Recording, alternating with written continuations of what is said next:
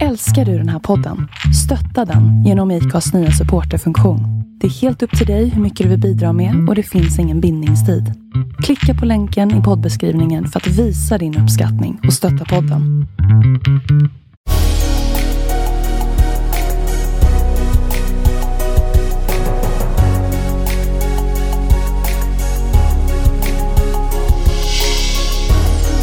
Välkommen till podden Vart är vi på väg? I denna podd intervjuar vi sociala entreprenörer och andra personer som är involverade i ekosystemet kring socialt entreprenörskap. Vi vill ge dig som lyssnare tips och inspiration till hur innovativa idéer och entreprenörskap kan vara lösningen på de samhällsutmaningar som vi står inför. Vi vill även inspirera människor till en livsstil med hållbara vanor och vi vill självklart lyfta fram alla fantastiska sociala entreprenörer i rampljuset. Too Good To Go är världens största matsvinnsapp och rörelse mot matsvinn. Med över 35,9 miljoner måltider räddade och cirka 90 000 ton minskade CO2-utsläpp. 22 miljoner nedladdningar i totalt 15 länder av appen. Vill de nu bidra till ett bättre klimat? Nu har de precis lanserat i Sverige och vi har med Åsa Sandberg som är Sverigechef och leder arbetet med att bygga upp Too Good To Go i Sverige. För att höra mer om hennes bakgrund och vad som driver henne att jobba med hållbarhet och skapa förändring i samhället. Nu kör vi! Det gör vi. Välkomna till eh, dagens avsnitt med mig och Jonathan i Vart är vi på väg? Eh, som sagt, vi sitter här i Stockholm på Clarence Sign Hotel som vanligt. Det är en liten speciell säsong här just nu när vi spelar in. Eh, förmodligen när vi även släpper avsnittet med corona som drabbat världen över, så det är ganska tomt här runt omkring, men det känns väldigt kul att ha Åsa med oss idag, eller hur Jonathan? Ja men verkligen. Hon sitter här och sprudlar av glädje, så jag tror vi kommer få ett grymt samtal tillsammans. Det tror jag med. Välkommen! Ja, men stort tack. Du ska få hoppa in här. Härligt. Hej. Nej. Hur är läget? Det är ju bra, verkligen. Och det är ju som ni säger, det var ju väldigt tomt här inne på det här hotellet när vi kom hit idag. Eh, ovanligt, eh, måste jag säga. Men jag är glad ändå. Eh, det, vi har mycket att göra. Så hur ser en typisk dag ut för dig just nu då? Ja, men just nu när vi spelar in den här podden så är vi ju mitt i coronatider, vilket ju har en effekt på hela samhället och naturligtvis även för oss. Så en typisk dag börjar med att eh, vi i teamet checkar in digitalt klockan halv nio. Vi sitter ju på olika ställen, följer myndigheternas rekommendationer att jobba hemifrån. Så vi checkar in med vilka tankar som är i huvudet just nu. Det kan vara både oro och också glädje och energi för att fokusera på lanseringen som kommer. Och sedan rullar den ju på. Vi håller ju på att planera lanseringen och när den här podden släpps så är vi då förhoppningsvis tillbaka på kontoret och i full fart med att rulla ut i resten av Sverige. Ja, vad spännande.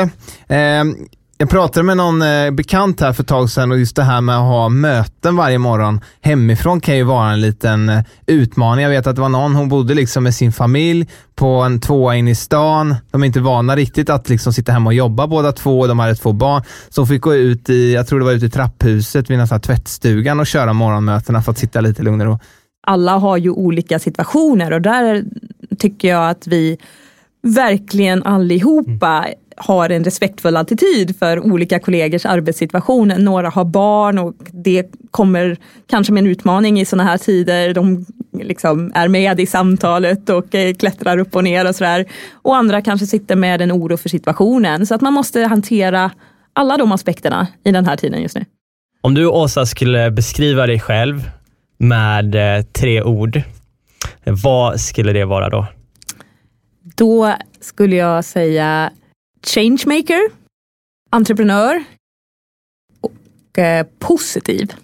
Verkligen. eh, Det är bra laddning i de här orden ändå. Det lindar ändå in den bilden jag har fått av dig Det var- utifrån. Det var ju väldigt skönt så att inte du hade någon helt annan bild av mig. Nej, och det var lite kul här. Vi, vi har ju spelat in med en person som du känner. Vet inte riktigt om det kommer vara släppt här, men eh, det gör ingenting. Med Kai Török på Max. Och han sa så här, Åsa känner alla och alla trivs i Åsas sällskap, sa han.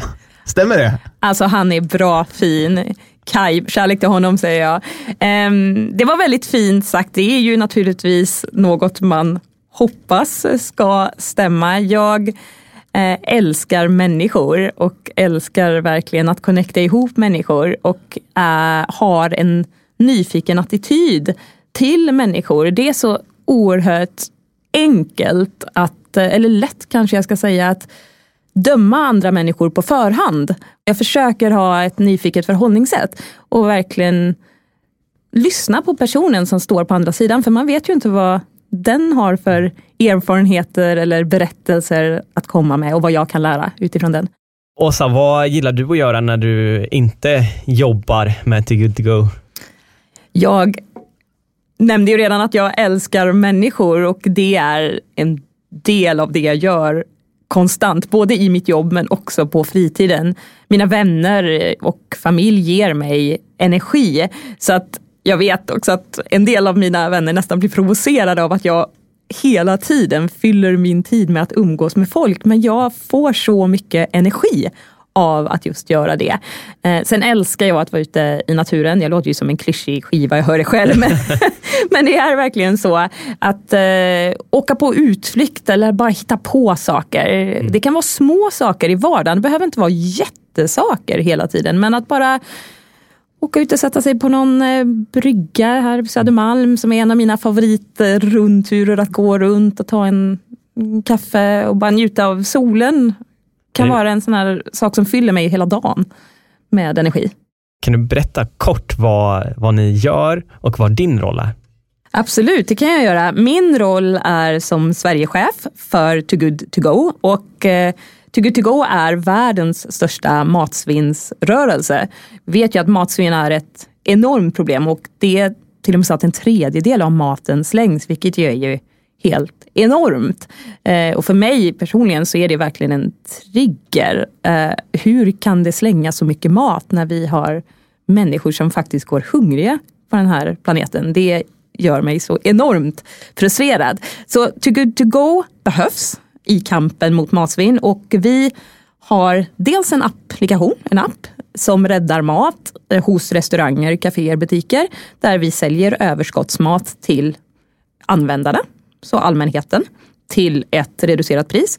Men vi har också en annan del av verksamheten som är vad vi kallar vår movement, rörelse, där vi jobbar med hela ledet, alla steg i kedjan där det faktiskt kan finnas matsvinn. Och vi jobbar med opinionsbildning, vi utbildar i skolor, vi jobbar med näringslivsprojekt och också naturligtvis riktar vi oss till allmänheten. Allt i syfte till att rädda mat och se till att matsvinn inte ska finnas på den här planeten. Men om vi backar bandet då, eh, x antal år bakåt till din uppväxt. Kära vart någon. kommer du ifrån? Kära någon säger Ja. du. Vart, vart är du uppväxt? Jag är uppväxt i Vargön, vet ni vad det är? Nej. Ja, faktiskt. Ja, det Ja. jag är alltid lika förvånad. Typ i eh, Dalsland kanske? Ja men det var faktiskt Värmland. Det var bra ändå. Det ligger ganska nära Dalsland, det ligger i Västra Götalands län, det ligger nära Trollhättan, eh, Vänersborg. En liten ort med eh, ungefär 6 000 människor. Och vad fylldes den av? Ja, den, den, Den tiden alltså, inte staden. Det kanske fylls av mycket, men eh, din uppväxt. Ja, den, den, min uppväxt fylldes, jag var ingen sporttjej utan jag var mer, eh, det var liksom, det var mycket fotboll i Vargen men jag gick åt musikhållet istället. Vargen är faktiskt känt, även om det är en liten ort, så är det känd för sin musikskola. Och jag eh, fyllde mina dagar konstant. Det var alltid antingen musikkår eller symfoniorkester. Jag sjöng, så det var också gospel. Eh, och sångensemble, så mina stackars föräldrar de skjutsade liksom både mig och min syster konstant till olika liksom övningar och eh, konserter av olika slag. Så det får man ju säga att min, min uppväxt verkligen präglades av. Vad, vad gjorde man där annars då? När du, Ja, vad gjorde man där? ung. Ja, när jag var ung. Ja, ja, du är fortfarande ung, men ja det, var, det var vänligt av dig. när du var yngre. Nej men det var just eh, musiken som mycket präglade min tid. Så att det är klart att man gick ju naturligtvis i skolan och eh, eh umgicks där. Och jag gillade skolan. Eh, jag var en, plugg, alltså en plugghjärna. Um, och ville hade tidigt siktet på att bli veterinär. Vet jag. jag tyckte att matte var spännande och biologi var spännande. Jag hade ju redan då en social ådra så jag engagerade mig i allt möjligt och jag var ordförande i elevrådets kafeteria och höll på där. Så att jag fyllde verkligen min tid och naturligtvis även umgicks jättemycket med mina vänner när jag inte ägnade mig åt musiken. Men det här liksom, intresset för att ja, intressera sig för saker, engagera sig, vad, hur kom det? Jag har ju hela mitt liv hållit på med någon typ av hållbarhetsfokus. Jag har sen jag var liksom yngre gått runt med en doggybag på stan. Min stackars syster tycker att liksom det, det är det mest pinsammaste. Hon har skämt för mig så mycket för den här doggybagen. Men nu är ju det inget, ingen issue längre. Nu är ju doggybag Eh, kanske inte lika mycket som i USA, men ändå i Sverige så är ju det nu ingen konstigt att fråga efter det. Och eh, jag har också ofta haft en hjälpande sida hos mig. Jag vill liksom hjälpa människor som som kanske har en utsatt situation eller befinner sig i en annan situation än mig. Och det tror jag kommer ifrån, mycket, mycket ifrån just adoptionen. Eh, det blev uppenbart när jag var tillbaka i Sri Lanka att eh, där såg man verkligen på mig som att jag skulle vara väldigt tacksam, vilket jag naturligtvis är. De ville väldigt gärna ta på mig och eh, att visa på att jag var annorlunda än vad de var. Och jag gjorde ju allt för att passa in men jag kom, hamnade ju i det här mellanförskapet som många känner, att man inte känner sig riktigt hemma, varken sig där eller kanske här i Sverige. Och det blev också uppenbart för mig vilken tur jag faktiskt hade, för jag föddes ju inte i Sverige, jag föddes ju på en annan plats. Men fick den stora möjligheten att ta mig till Sverige och sitta här nu i en poddstudio med er och har gjort massa fantastiska saker. Och jag vill så gärna bidra och hjälpa människor som inte har möjlighet till det. Du bor inte på Vargön, eller i Vargön, förlåt, eh, längre. Eh, när flyttade du därifrån? Ja, men jag flyttade från Vargön när jag var 19 och eh, mina vänner kallade det som att jag, då gjorde jag revolt. Jag mm. hade varit eh, kanske den här duktiga flickan och till slut så bara, ah, jag måste flytta. Och eh, jag satt faktiskt i, jag hade ett extra jobb i en butik och eh, vid det tillfället så kom min klarinettlärare in där en dag och eh, packade upp sina varor och så sa han, Ja, ah, Åsa, vad fint att du sitter här i kassan. Jag kan se dig här om 20 år. Sen hörde jag inget mer av vad han sa, utan jag kom hem till mamma och pappa den dagen och sa, nej jag ska flytta. Och de sa, vadå? Och det hade jag inte hunnit tänka på så mycket. Och då stod jag med en bok i handen som jag läste om Mary Queen of Scots, alltså drottningarnas konung, äh, drottningarnas, den skotska drottningen. Så då sa jag, hit! ska jag tydligen flytta. Och eh, det gjorde jag också. Du gjorde det? Ja. okay. Eh, tre månader senare. Och det var inte kanske så jätteplanerat. Jag bokade två nätter på något vandrarhem där någonstans och trodde nog att det skulle bli tre månader, men det blev fyra och ett halvt år istället. Oj, eh, vad, vad hände där då? det var, jag brukar säga att det var verkligen en av mina lyckligaste perioder i livet. Det var ju, det var ju som att bryta sig loss mm. som vuxen. Jag brukar säga att jag blev vuxen i Skottland. Det är som mitt andra hem. Och eh, där gjorde jag allt man inte ska. och eh, ja, nej men eh, jobbade på nattklubb och eh, det utvecklade sig sedan till att jobba mer på med själva restaurangverksamheten, marknadsföring. Jag reste runt i Europa, eh, nästan tågluff och eh, fick uppleva olika kulturer. Sen flyttade jag hem till eh, Göteborg och eh, gjorde en vända efteråt senare i London, där jag också har varit i två år. Och sen nu då, så är jag i Stockholm. Men Skottland, det måste ha varit väldigt fint va? Det är fantastiskt. Ska man åka någonstans och få själ, eh, liksom, ro i själen, så är Skottland helt fantastiskt. Vilken stad eh, rekommenderar du? Jag bodde i Edinburgh, så att jag har ju en otrolig förkärlek för det. Jag har många vänner kvar där. Och eh, jag bodde även på The Isle of Skye uppe på västkusten i högländerna. Det är verkligen en plats att besöka. Har man inte varit i Skottland så rekommenderar jag att åka upp till högländerna. Det är magiskt. Eh, väl där i Göteborg då, vad, vad gjorde du då? Ja, men I Göteborg så jobbade jag, eh, ja, men innan jag pluggade och när jag flyttade tillbaka till Skottland så jobbade jag, fortsatte jag jobba med Eh, restaurang, på restauranger. Jag älskade restaurangverksamheten och eh, människomötet där, där stötte jag ju också på matsvinn ordentligt för mm. första gången skulle jag säga. Jag, vill min, jag minns ett specifikt tillfälle där jag verkligen hade ont i magen för att jag tvingades att eh, slänga mat, eller rättare sagt, jag blev beordrad att slänga mat mm och jag eh, kunde inte.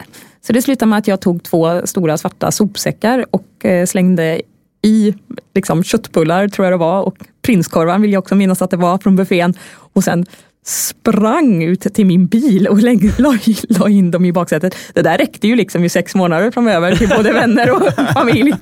Men, men det finns så otroligt mycket att göra. Och eh, det, är inte, det är inte heller så att restaurangerna inte är medvetna om det här problemet. Utan de jobbar ju aktivt på att faktiskt motverka svinn på många olika restauranger runt om. Mm. Så att jag, jag var mycket där, men sen jobbade jag även med TEDx, eh, community till TEDx som jag kom in i i Göteborg där jag var managing director. Jag var involverad där i sju år, vilket är fantastiskt. Alltså TED och TEDx är ju världens, brukar jag säga, största plattform för kunskapsinhämtning och att vara med på den resan och inse att det vi producerar ses av människor i Kanada och i Vietnam och alla olika delar av världen. Och där man faktiskt kan inspirera någon på ett helt annan sida av världen. Det, det var fantastiskt. Um, min, uh, jag skulle också säga att jag hade ju ett fantastiskt uppdrag i form av World Transplant Games. Mm. Mm. Uh, det var i Göteborg. 2011. Vad är det för någonting? Ja, det är ett VM för, eh, precis som vilket sportligt VM som helst, men skillnaden är att de som tävlar har genomgått en organtransplantation. Eh, det är ännu till denna dag det arbetsmässiga insats som jag har gjort som har påverkat mig mest. Eh, det var hårt jobb och slit och vi hade deltagare, 1800 deltagare, 59 nationer. Vi hade prins Daniel var där som beskyddare. Det var liksom verkligen fullt pådrag. Och eh, jag, eh, man kan säga att jag var operativ chef, general manager för det där. Och eh, jag minns att jag fick frågan av en journalist. Men nu har ni slitit med det här i två och ett halvt år. Ni har förmodligen inte ens sovit de senaste liksom, månaderna. Varför? Alltså, vad är värdet? Varför har ni gjort det här? Och för alla de människor jag mötte på den resan som verkligen har fått ett nytt organ och har fått livet tillbaka och bara det att de faktiskt kunde tävla och lyckan när de faktiskt deltog i en tävling. Vinsten var ju mm. nästan oviktig ska jag säga, mm. utan bara att de fick livet tillbaka. Det gör fortfarande att jag får gåshud. Senast här så kommer du ju från eh, Coop och jobbat med hållbarhetsarbete och det är också en mat, eh, livsmedelskedja som jobbar väldigt mycket med det här. Eh, vad har du fått lära dig där? Enormt mycket. Dels fick jag ju en insikt i hur butikerna själva jobbar med matsvinn och vad det faktiskt finns för utmaningar eh, kring matsvinn. Sedan har jag fått möjligheten att jobba med matsvinn som projektledare kan man säga för Coops matsvinnsarbete i ungefär ett år blev det väl. Och där gjorde vi ju otroligt mycket insatser. Bland annat gjorde vi en, ett initiativ med Paul Svensson eh, som är kock och eh, innovatör får jag säga inom just matsvinnsområdet. Där han drev restaurang Retaste där man omvandlade råvaror som annars skulle ha slängts till sjurätters middagar som man kunde boka bord till och där var Coop en av huvudpartnerserna i det där projektet. Bland mycket annat. Men jag har fått jättemycket kunskap och också som entreprenör att gå in i ett storbolag. Bara det i sig är ju väldigt lärorikt. Du har ju startat någon organisation också tidigare, uh, A Win-Win World. Uh, vad är det? Precis, vi var två som startade den samtidigt. Uh, och A Win-Win World grundade även Nudging Sweden som jag fortfarande vurmar för, nudging som metod. Ehm, det handlar ju om beteendedesign, beteendeinsikter, hur man med insikten av hur vi människor fattar beslut kan göra om den miljö där beslutet faktiskt fattas för att knuffa det beslutet i en viss riktning. Och, eh, det, och jag har alltid varit fascinerad av beteenden och hur det faktiskt går till. Hur, var, varför fattar vi beslut som vi gör. Hur kan man påverka de besluten? Vad är det för normer som styr? Hur kan man bryta de normerna? Och det gäller ju även i matsvinnsarbetet nu på den resan som vi ju är på. För där är ju också en beteendeförändring som faktiskt ska till. Hur kan vi påverka människors beslut att eh, handla bättre, planera mer, ta hand om varorna hemma till exempel. Det är också en beteendeförändring.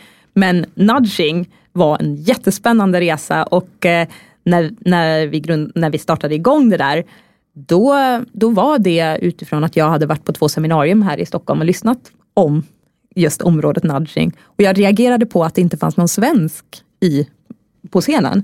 Så jag frågade varför finns det ingen svensk? Och då fick jag svaret att ja, men det finns ingen organisation i Sverige som jobbar med den här frågan ännu. Och det var ju bara för mig att räcka upp handen och säga okej, okay, då, då det, var det väl dags. Då var det tydligen det jag skulle göra nu. Det är ett återkommande tema med Skottland. Ja, det är tydligen det. Var en tanke och sen kör vi. Ja. Du sa två och en halv månad har du aktivt varit igång med Too Good To Go. Precis. Och du berättade lite innan vad det är ni gör. Eh, men prata om det, ett movement. Ni vill eh, revolutionera. Ja, det vill vi verkligen ja. göra och eh, vårat, vårat mål är ju att inspirera och eh, verkligen komma med kunskap kring den här frågan så att målsättningen blir att vi ska liksom ha en planet utan matsvinn. Och i Sverige som ju är To Good Goals nyaste marknad, vi finns redan på 13 olika marknader, så är det en jättespännande resa för mig att få leda. Eh, vi, vi bygger ju upp det här teamet nu men vi har 600, lite knappt, kollegor runt om på de andra marknaderna som kommer med input och idéer och erfarenheter kring hur vi kan göra det här som allra bäst. Och vårt mål är ju som jag redan nämnde att jobba med hela kedjan och att skapa kontaktytor och samarbeten mellan de här aktörerna för att verkligen rädda så mycket måltider eller mat som möjligt. Det kan vara kreativa idéer, det kan vara kampanjer, det kan vara utbildning i skolor som jag redan nämnde. Men det kan också vara policyarbete. Vi har en, eh, vi har en eh, lobbyist i Bryssel som jobbar heltid med just påverkansarbete. Så att vi vill ju göra och kreera så bra projekt och eh, påverkansarbete som möjligt här i Sverige för att minska matsvinnet.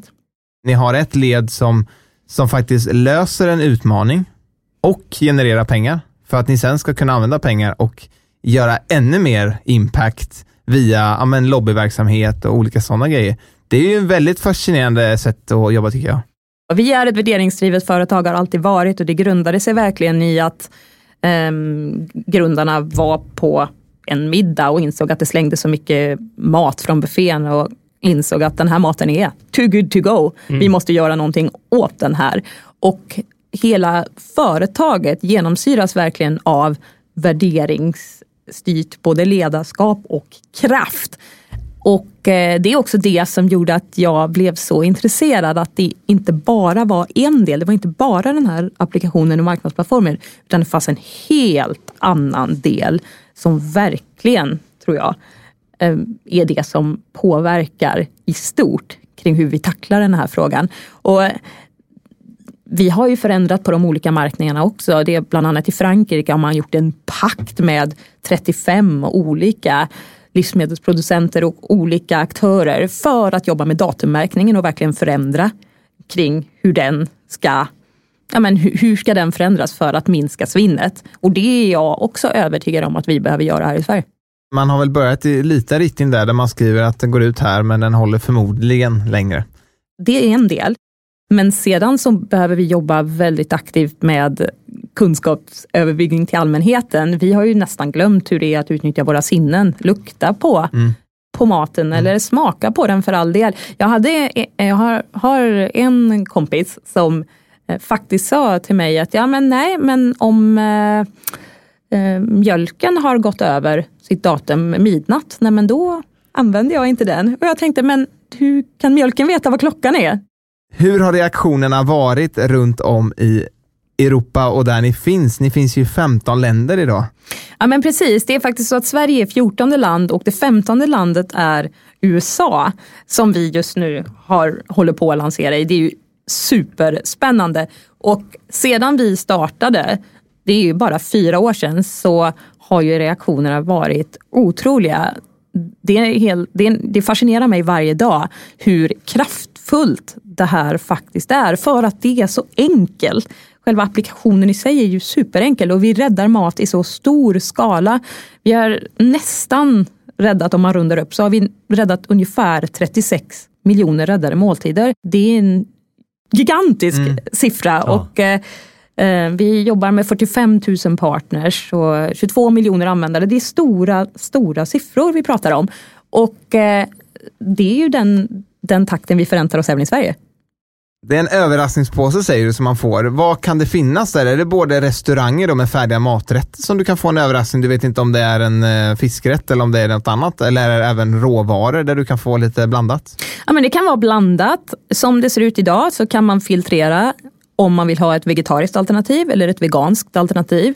Så det går att filtrera på det. Men det är verkligen en blandning. Det vi brukar säga till våra partners är ju verkligen att wowa sina användare. Vi vet att den här, den här lösningen skapar både nya kunder till våra partners, men vi har också sett att kunderna kommer tillbaka för att produkterna är så pass bra. Och hur mäter ni er impact? Vad är det viktigaste för er att visa? Med risk för att låta som en repig skiva, men vårt mål är att rädda mat. Vi ska rädda mat från att bli matsvinn och det är det som vi faktiskt fokuserar på och mäts på. Hur mycket mat kan vi faktiskt rädda med hjälp av vår app. Mm. Och eh, pr pratar ni om utsläpp och sådana mål också i det här? Eller? Det är väl en förlängning av det kanske kan man säga? Ja, det, det blir som en förlängning och det är klart att vi mäter även det. Det gör vi, absolut. Men vårt huvudsakliga mål, vår huvudsakliga impact, det är hur många måltider har vi faktiskt räddat. Och vad har du för förväntningar nu då på den svenska marknaden? räddar du mat med Too Good To Go så blir du ju liksom en av de miljoner människor runt om i Europa som faktiskt bidrar till en bättre värld. Det är fantastiskt. Så att jag ser framåt i Sverige att vi ska bygga ett, ett starkt movement och involvera både användare och våra partners i dialoger kring hur kan man rädda mest mat. Vad är det främsta tipset då till en privatperson och den personens eh, vardagliga hushåll med råvaror. Vad kan man göra för att minska matsvinnet? Jag skulle först tipsa om planering. Alltså det låter så trist. Jag är själv inte så bra på planering. Men ni vet själv, man går där i affären, hur lätt det är att plocka på sig saker. Det kanske är köp eh, tre, betala för två och man kommer hem med liksom tre kassar potatis fast man är en singelhushåll och vänta nu, hur har jag tänkt här egentligen? Och vänta, frysen var redan full. Så att det är ett enkelt tips men också en av de mest effektiva. Det andra är ju frysen. Frys ner era varor. Um, glöm inte att det är en superresurs så att laga upp de där potatisarna för all del men, men frys dem sen då i så fall. Det finns massa saker och massa knep som man kan göra med olika råvaror. Allt från morot, eh, liksom slutet på moroten och vad kan man göra med gammalt bröd och hur kan man använda det. Så jag tror att det handlar om att vara kreativ och inte bara automatiskt, igen då, kommer jag tillbaka till det här med datummärkningen. Använd dina sinnen, det får definitivt bli mitt tredje tips. För just nu slänger vi ju alldeles för mycket mat. Vi måste ha respekt för maten. Likväl som vi har respekt för människor så måste vi ha respekt för maten. För att varje mat, Eh, var, varje måltid eller varje produkt som du slänger, om du till exempel slänger ett äpple eller en macka eller liknande, då är det inte bara mackan, den fysiska mackan du slänger. Du slänger ju alla resurser som också har gått till att tillverka den här produkten eller odla det där äpplet. Det är ju allt från både jord och människan som faktiskt har lagt tid på att odla upp det där. Det är ju vatten för all del. Så det är ju det du slänger också. Mm. Det brukar jag tänka på när jag tänker på så här, kaffeslatten till exempel. Nej, nej, du måste dricka upp för att uh, det får inte bli svinn. För då, då har någon gjort det där i onödan. Vad har du för saker som du tänker på nu när du håller på att picka upp teamet? För mig är det viktigt att bygga ett team i Sverige som har olika bakgrunder, erfarenheter och kulturer. Ett, ett team av mångfald helt enkelt. Lite som jag var inne på förut att vi är så, det är så lätt att vi drar oss till liknande människor som oss själva. Eh, för att vi har samma värderingar, vi tänker lika. Det är lätt att umgås med människor som är ganska lika oss själva. Och jag tror att vi måste bygga ett team där det finns olikheter. För då kommer vi att kunna titta utanför boxen för att använda ett klyschigt uttryck. Men att kunna innovera, vara kreativa och verkligen ta hand om den här jätteutmaningen med att minska matsvinn. Så att det kommer vara ett fokus som jag har, att verkligen bygga ett team i Sverige som består av olikheter. Eh, och jag tror på att komplettera resurser när man bygger team. Alltså vad, vad har vi för resurser nu i teamet och vad behöver vi komplettera med? Inte bara en person som är likadan som oss själva som mm. brinner för hållbarhet utan vad blir bäst för, för Sverige att vi rekryterar in? Så det ser jag är, är min plan och sen kan man ju titta framåt naturligtvis. Var, är, var ska vi vara? Om... Ja, och vad har ni för eh, planer om fem år med Too Good To Go Sverige? Ja, det är en så spännande fråga. Eh, om fem år så ser vi en ordentlig minskning av matsvinn på grund av det arbete som vi har gjort med Too Good To Go. Jag vill att vi är den röst i Sverige dit man vänder sig för att prata matsvinn. Och vi påverkar debatten och verkar i alla olika led där det finns svinn i hela landet. Vi bidrar till beteendeförändringar på alla arenor såväl som i politiken, näringslivet, inte minst allmänheten där det är mycket svinn. Och jag ser också att jag vill bygga en organisation i Sverige som är en arbetsplats där medarbetare verkligen känner sig stolta att jobba på. Om man behöver lämna av olika skäl så ska man verkligen känna att det här var det bästa arbetet jag någonsin har haft. Och vi gör skillnad på riktigt. Du kallar, eller ni kallar er kollegor emellan något särskilt? Ja, men vi kallar oss för Waste Warriors, för det är verkligen så vi ser oss själva. Vi är ambassadörer för att minska matsvinn. Varenda person vi pratar med kan vi komma med tips, idéer, råd, påverka den personen till att göra någon liten skillnad i att minska sin svinn, ja men då har vi gjort skillnad. Vi är liksom bearer of good news och vi tillsammans fightar den här fighten mot matsvinn i hela Europa.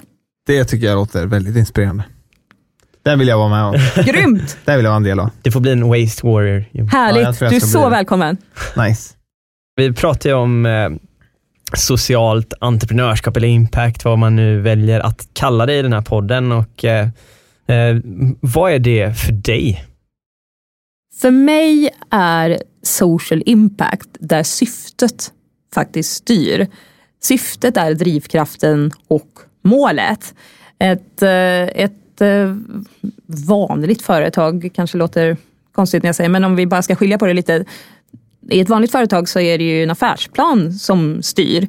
Men i ett syftesdrivet företag så sätter man ju syftet i framsätet och tillverkar affärsplanen och målen därefter.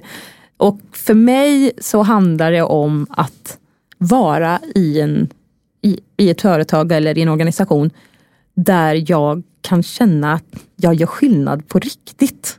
Um, och att se att företaget med sin verksamhet gör skillnad i samhället. Att få vara med på en sån resa, det, det är verkligen fantastiskt. Bra svar. Tack. Skulle du kunna tänka dig att eh, jobba med något som inte gör skillnad i samhället?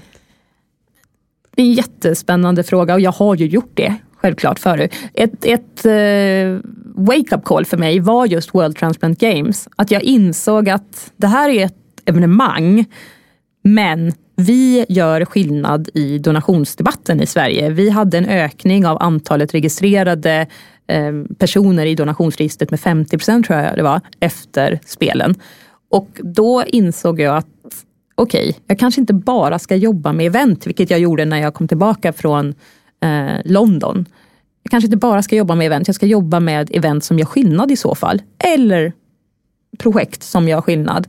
Och jag har en plansch hemma, den är gammal. Men på den så är det en röd ros och så står det “Nothing can be achieved without passion”.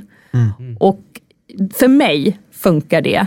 Och det är där man får ut allra mest av min kraft. Jag behöver känna att det connectar med min passion och mitt varför. Mitt varför handlar om att minska orättvisor i världen. Det låter jättestort, men det är när man trattar ner det i slutet så handlar det om respekt. Respekt för människor och respekt för planeten. Vi ställer ju alltid den här äh, frågan som du hade haft lite vånda inför här idag, fick vi reda på innan. Och det är här, hur ser världen ut om tio år? Enligt Åsa Sandberg. Ja, nu, nu kommer, vadå, facit? Nej, det hoppas jag verkligen inte. Nej, men det är ju en jättestor fråga. Jag, jag, eh, jag har funderat på den. Vi har ju en utmaning som ligger i nutid, den heter corona. Och eh, jag, jag tror att det var en wake-up call för oss, för mänskligheten. Jag hoppas att det var ett wake-up call. För jag skulle vilja se en förändrad värld om tio år. Det handlar om um, att vi ju i och med corona har sett att vi faktiskt snabbt kan ställa om. Det gick ju. Men det var en annan trigger än att kanske bara prata om klimatet. Nu var det verkligen, vi var tvungna och eh, det blev rekommendationer, regler, restriktioner som gjorde att vi var tvungna att ställa om. Och vi har sett effekter väldigt, väldigt snabbt. Som i att man för första gången på 30 år kan se Himalaya och helt plötsligt så ser människor stjärnor på himlen som de aldrig har sett förut. Det är ju helt, det är ju helt galet. Och jag vill så gärna se att vi kan hålla i den här beteendeförändringen nu. Som verkligen gör skillnad på flera olika sätt. Ehm, både kring klimatet men också andra delar av samhället som man nu har sett. Folk umgås mer, man hör av sig mer till nära och kära etc. Och eh, jag, jag är ju en positiv person.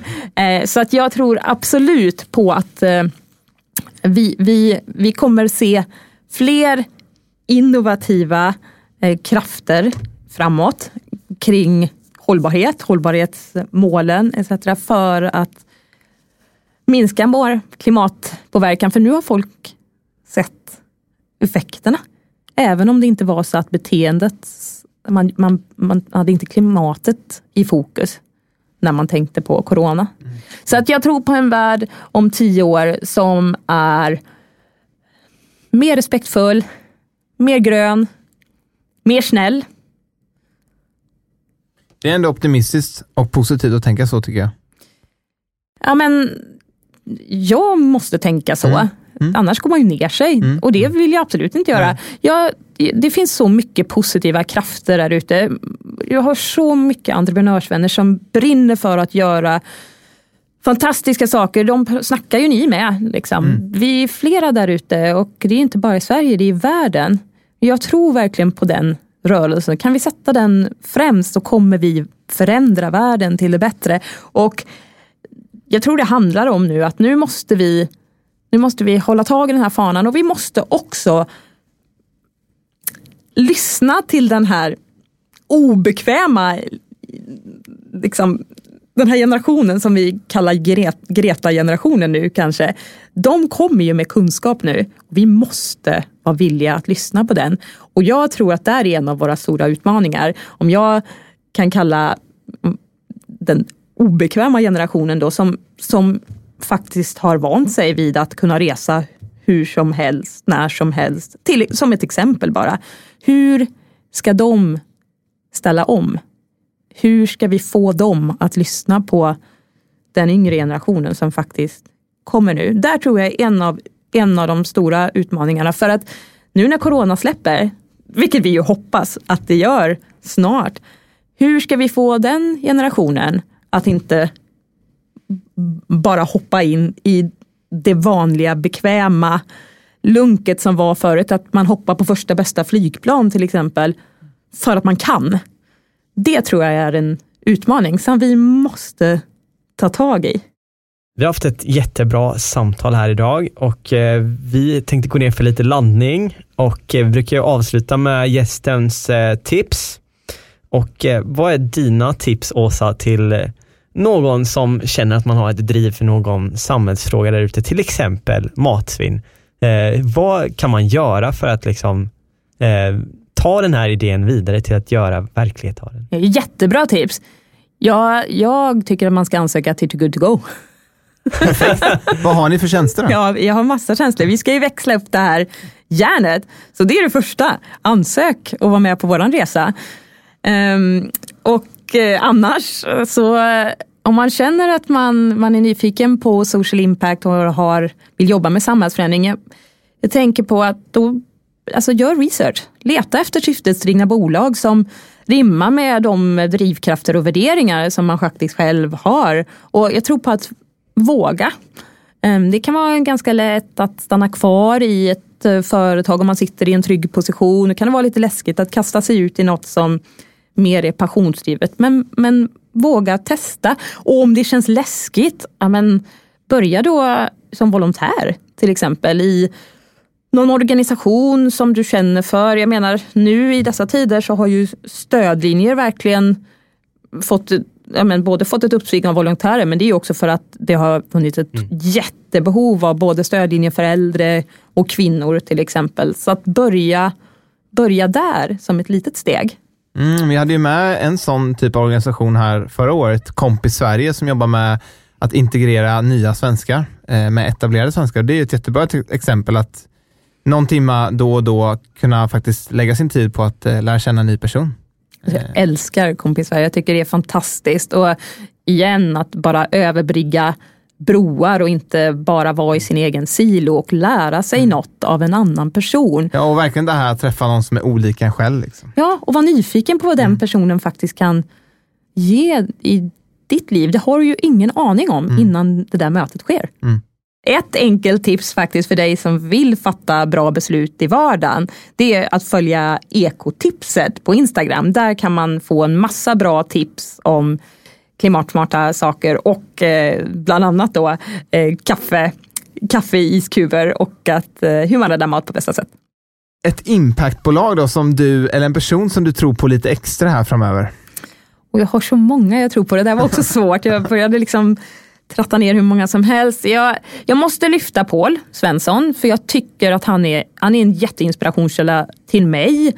Men han, han får det verkligen, han, han, får mig verkligen att tänka på mat som ett annat, på, ett, på ett annat sätt. Att se på en råvara som, på ett annat sätt. En gammal bröd kan bli pasta eller någonting annat. Och eh, Eh, Eh, han får mig att tänka kreativt kring mat och att undvika att slänga mat. Så honom tror jag verkligen på framöver. Jag hoppas att vi också kan hitta, eh, hitta sätt att samverka eh, framåt. Eh, jag älskar också um, The Social Few. De arbetar med datadriven inkludering, mycket fokus på minoritetsgrupper till exempel. Så där, där ser jag också, jag brinner ju för mångfald och inkludering. Så de gör ett fantastiskt jobb på den, på den eh, fronten. Vem skulle du vilja se intervjuas i podden då? Ja, men dels så skulle jag tycka att ni ska intervjua The Social Few, alltså Susan eh, Horay Lindberg som är vd där. Eh, tycker jag att ni ska ta ett snack med. Sen så eh, tycker jag att ni ska ta ett snack med Soledad Pinheiro Misa som eh, eh, från Part of More. Hon är en glädjespridare och rand men också en connector och eh, en jättekraft när det kommer till social, social impact.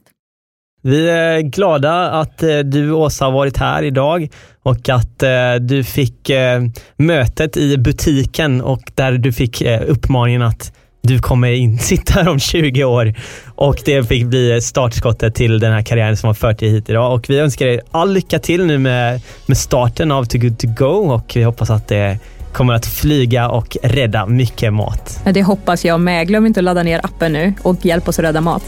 Tack så mycket. Tack. Tack så mycket för att du har lyssnat på dagens avsnitt. Glöm inte bort att följa oss i sociala medier. Vi finns på Facebook, Instagram och LinkedIn och även vår hemsida vartarvipavag.org. Och om du har möjlighet får du jättegärna gå in och ratea våran podd på iTunes. Yes, och för dig som vill ta del av podden ytterligare så tycker jag att du ska gå in och signa upp dig för vårt nyhetsbrev där du varje vecka får en liten kort resumé av avsnittet men också de bästa tipsen och de bästa insikterna från gästen som vi har haft med oss. Eh, så om du har varit ute på språng och inte haft möjlighet att anteckna något så gör det ingenting utan du får det på ett mail veckovis. En riktigt bra deal helt enkelt. Så se till att signa upp dig så fort som möjligt så ses vi nästa vecka igen. Det gör vi.